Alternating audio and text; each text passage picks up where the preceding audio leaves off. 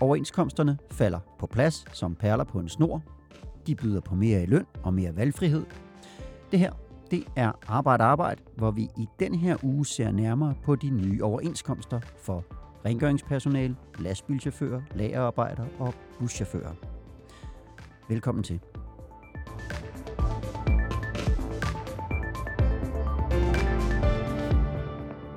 Mit navn det er Morten Olsen, og jeg har som sædvanlig gæster i studiet. Det er Susanne Junker, der er journalist på Fagbladet 3F. Velkommen til dig, Susanne. Tak skal du have. Velkommen også til dig, Jonas Højlund, der er redaktør på Fagbladet 3F. Mange tak. Helt kort til at starte med, Susanne. Hvad er det mest interessante i den nye overenskomst for rengøringspersonale, som du har siddet og kigget på? Jamen, der er flere ting, men man kan pege på nogle flere værktøjer i forhold til at opdage sådan noget som social dumping i rengøringsbranchen, og øh, så er der også noget dansk undervisning til, øh, til en stor gruppe af medarbejdere, der har anden etnisk baggrund. Og hvorfor det er meget vigtigt, det kommer vi til at tale mere om senere her i udsendelsen. Jeg skal også lige høre dig, Jonas Højlund. Hvad er det mest interessante i de nye overenskomster på det, vi kan kalde transportområdet, som også vedrører buschauffører for eksempel? Øh, helt kort fortalt, så er det, at øh, buschaufførerne de har fået ret til at gå på toilettet, mens de er på arbejde. Det var den helt korte version, og det skulle det også være her, for nu går vi i gang med den lange version. Lad mig først lige give en opsummering på overenskomstforhandlingerne, fordi vi har stået her i studiet og talt om overenskomstforhandlinger tidligere. For cirka to uger siden blev den første overenskomst forhandlet på plads. Det var den såkaldte gennembrudsaftale på industriens område, der vedrører 230.000 lønmodtagere. Den aftale den er altid interessant, fordi at de aftaler, der kommer efter den, altid læner sig op af gennembrudsaftalen. En af de ting, der var i den her genbrugsaftale, det var en markant større fritvalgsordning. Og en fritvalgsordning, det er altså den ordning, hvor en pose penge bliver reserveret til det, som du helt selv har lyst til at bruge dem til. Det vil sige, at du kan købe dig ekstra ferie eller på anden måde frihed. Du kan sætte dem ind på din pensionsordning, eller bare få dem udbetalt som løn. Og den her fritvalgsordning steg markant, og det er jo noget, der går igen i de overenskomster, der også er kommet igennem i den her uge. Og i weekenden, Jonas Højlund, i sidste weekend, der kom så den såkaldte fællesoverenskomst for havnearbejdere, lagerarbejdere og chauffører, og den er jo med til ligesom at sætte baren for, hvordan lønnen kommer til at udvikle sig, også for de efterfølgende overenskomster. Så hvordan ser det ud med det? Jamen, øh, der, det, det man har aftalt øh, for parterne imellem, det er, at øh, lønnen stiger, øh, hvad kan man sige, 1.500 kroner på, på, det, på, det, på den almindelige lønregulering, og så fritvalgskontoen øh, stiger, øh, så de her fra, fra omkring øh, fra, fra op til 7 procent, så der kommer omkring 700 kroner oveni. Så, så dem, der arbejder på de her overenskomster, de kan se frem til en minimumslønstigning over de her tre år øh, på 2200 om måneden. Og der er selvfølgelig så også nogen, der vil få mere i løn. Og vi skal lige sige, det er sådan lidt en myriade af overenskomster, der er faldet på plads her i løbet af den her uge, og der kommer mange flere til, så det kan være lidt svært at, at holde fuldstændig snor i. Men hvis vi kigger på transportområdet her, Jonas, hvad er det så ellers, der er værd at bemærke i den overenskomst? Øh, det, det der, der er sådan mest bemærkelsesværdigt, det er, at øh, man har gået ind og kigget på øh, de arbejdsmiljøregler, der er, som, som jo er meget, øh, hvad kan man sige, hvis man er chauffør, er, er, er en meget vigtig del af arbejdsdagen i forhold til, hvornår man kan komme på toilettet og, og alle de her ting. Og det har man fået skrevet ind i overenskomsten, så det nu bliver en del af det, hvad kan man sige, fagretslige system. Det vil sige, hvis der er en, en, en strid omkring noget arbejdsmiljø, øh, omkring toiletforhold, omkring pauseforhold, alle de her såkaldte velfærdsfaciliteter, så bliver det lige pludselig en del af, øh, hvad kan man sige, det system, som man, man kender i forhold til, at man, man kan holde nogle, nogle faglige møder om det, og man kan gå, gå i arbejdsretten i sidste ende med det. Og det er meget, meget hurtigere, i stedet for, at det, det normalt så ligger arbejdsmiljø under øh, arbejdstilsynet, og så er du en myndighed indover, i sidste ende domstole og politi og sådan nogle ting. Og, og det ved man bare, det, det er et meget, meget langsomt system. Så det, man kan håbe her, det er, at vi får nogle, når vi desværre en gang imellem har de her uheldige sager om arbejdsmiljø, så kan vi få dem afgjort meget hurtigere. Ja. Godt. En af de mindre overenskomster, der også er faldet på plads i den her uge, der ligger under transportområdet, det er den for ca. 8.000 buschauffører, der kører bybus og rutebil. De får også gavn af de ting, vi har nævnt indtil videre, men derudover så er der en særlig sag for dem om bedre pauseforhold. Hvad går det ud på, Jonas? Det går ud på, at når du sidder i en, øh, en, en bus, så er du sådan rimelig låst i din, øh, i din arbejdsforhold. Det vil sige, det kan være svært at nå at få en frokostpause. Det kan være, at der er køer. Det kan være, at du lige pludselig bussen er forsinket, så har du ingen pause, og så kan folk jo ikke stå og vente. Så står buschaufføren og ikke siger, nu er bussen forsinket, fordi jeg skulle lige holde min pause. Så, så det er nogle af de stresselementer, der er for rigtig mange chauffører. Øh, men, men i denne her overenskomst har man nu fået sikret nogle rettigheder i forhold til, at de har nogle bedre faciliteter til at kunne komme på toilettet. Nogle bedre faciliteter, hvor de kan øh, holde pauser og, og, og hvad kan man sige, alle de her ting, som, som, øh, som mange andre, som, som arbejder under lidt mere normale forhold, er, er vant til. Mm. Og hvad er det for nogle, altså hvad er det for nogle, det, det, det bunder jo sådan lidt i nogle konkrete tilfælde, hvor, hvor, hvor chauffører tidligere har brokket sig over de forhold, de havde. Hvad, hvad er det for eksempel, der, der kan Jamen, altså, om her? Vi, vi, har, vi har jo skrevet historier og, og, om, om buschauffører, som, som er blevet nødt til at køre, køre ind til siden øh, i en skov for at, at gå på toilettet, kan, kan man sige, øh, fordi de ikke har haft tid til det. Hmm. Øhm, og forskellige andre, øh, hvad kan man sige, meget, meget dårlige øh, pausefaciliteter, som, som de har haft. Øh, og, og, og man har også gjort meget ud af det. Det har virkelig været en stor kamp for buschaufførerne for, for det her igennem, og der har været også øh, øh, altså demonstrationer og, og folk, der har stået foran, øh, hvad kan man sige, der hvor der er blevet forhandlet med voksenblæer, blandt andet. Mm. Fordi det er sådan lidt, er det, er det det, vi skal? Skal vi have voksenblæer på, når vi, når, vi, når vi kører på arbejde? Fordi vi har ikke tid til at, at, at tisse, eller øh, gøre det, vi nu skal på, på en ordentlig måde. Mm. Så det er øh, en vigtig sag for dem, som øh, der er kommet hjem her i overenskomsten? Det er det i hvert fald. Godt så. Så skal vi over og kigge på rengøringspersonalet, Susanne Junker. Den overenskomst, den har du øh, set nærmere på, og hvad byder den på?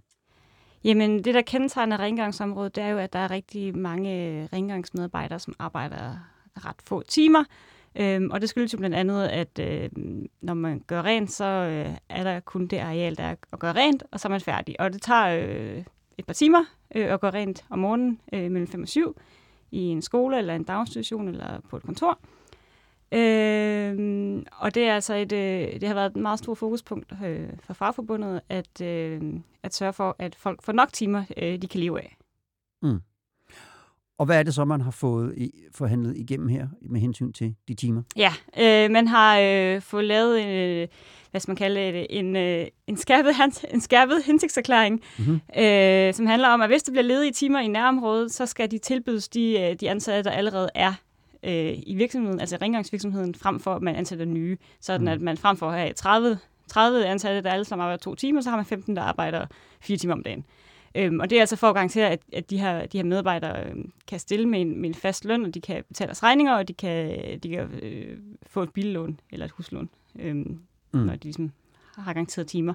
Fordi at det, der også bliver opereret meget med, det er øh, 0-timers kontrakter og afløsere. Mm-hmm. Og mhm. det er også et andet punkt i overenskomsten. Det er, at øh, man kan ansætte afløsere øh, til 0 timer om ugen, og så skal de ligesom gøre rent de timer, der er behov for at blive aflyst. Mm. Når de har gjort det i seks måneder, så skal de tilbydes en fast ansættelse med et garanteret timetal. Øhm, og her har man øhm, mistænkt, at det bliver misbrugt øh, til at, øh, at bare ansætte afløser i, i en uendelighed nærmest. Øh, men her har, her har øh, fagforbundet altså nu fået mulighed for at øh, kontrollere, om de her afløser er blevet tilbudt har, har fået det her jobtilbud om en fast ansættelse. En anden ting, som vi tit taler om her i studiet, og som der er et punkt om i den her overenskomst for rengøringspersonale, det er social dumping. Hvad er det, man er blevet enige om her? Ja, fordi der er noget, vi afløser, vi mistænker, der skal social dumping i branchen, altså hvis man misbruger den her øh, mulighed for ansat afløser. Og så er det andet punkt, det er, at øh, man har i overenskomsten ret til at få oplyst, øh, hvilke underleverandører en virksomhed bruger. Øhm, og så har man fået navnet på, hvilken underleverandør de bruger. Øhm, men så kan det være lidt svært at tage skridtet videre derefter. Øh, så nu har man så også fået øh, ret til at få oplyst, hvilke adresser de her underleverandører arbejder på. Og det er jo immer, immer væk en, en hjælp, når man skal ud og lave opsøgende arbejde og kontrollere, hvordan arbejdet egentlig foregår på de her, de her steder, hvor de her underleverandører arbejder. Hvad, hvad betyder det, at fagforeningen nu har fået muligheden for at lave det her opsøgende arbejde, eller bedre muligheder for det i hvert fald? Jamen, det er jo helt afgørende, når man er ude og, og, lave, og, lave, øh, og finde ud af, hvordan det her arbejde foregår, at man kan komme ud og snakke med de mennesker, det handler om.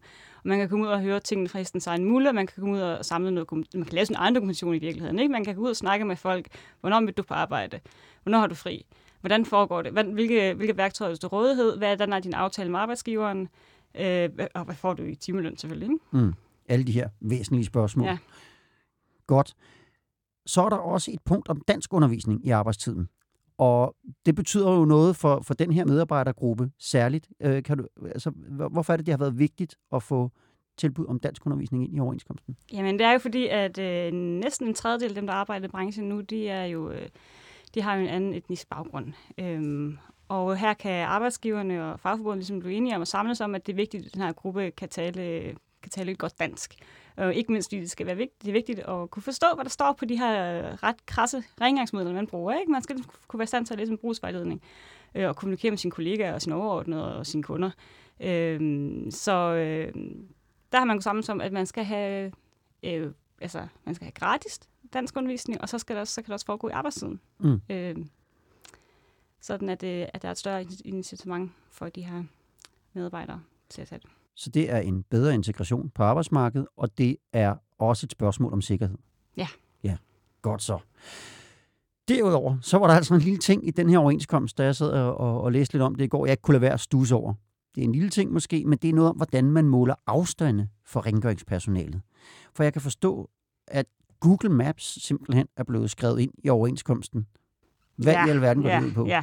Jamen, det går ud på, at øh, 2020 også er kommet til serviceoverenskomsten. Det, øh, tidligere så har, man jo, det, har der stået, at de her um, rengøringsmedarbejdere kører jo rundt øh, mm-hmm. mange gange for netop at gå ind forskellige steder for at få de her mange timer. Ikke? Øhm, og når man har opmålt det arbejde, så er det jo foregået, øh, reelt ved jeg ikke, hvordan det er foregået, men ifølge overenskomsten skal det foregå ved at måle fugleflugt afstande på et kort. Ikke? Og det er jo ikke nogen mennesker, der sidder og gør i dag.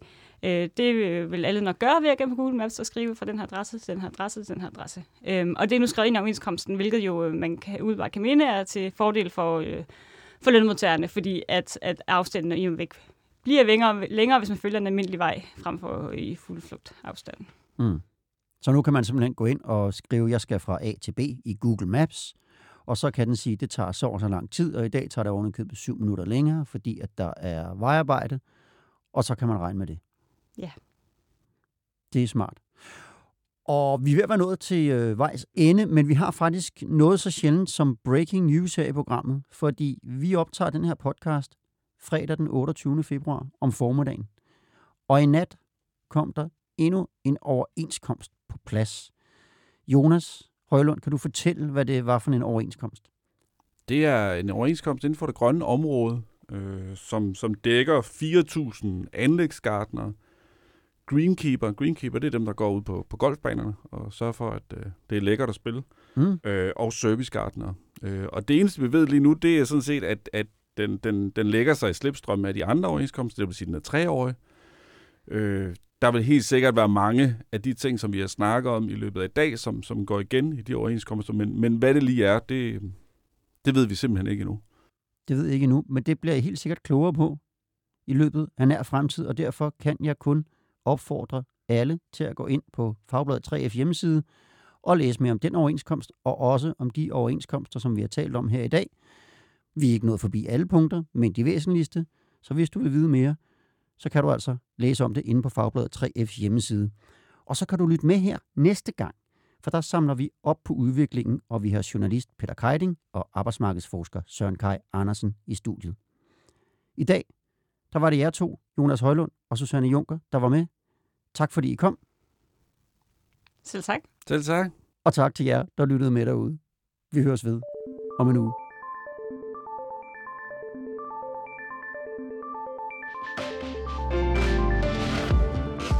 Du har lyttet til Arbejde Arbejde. Podcasten er produceret af produktionsselskabet Rev for Fagbladet 3F.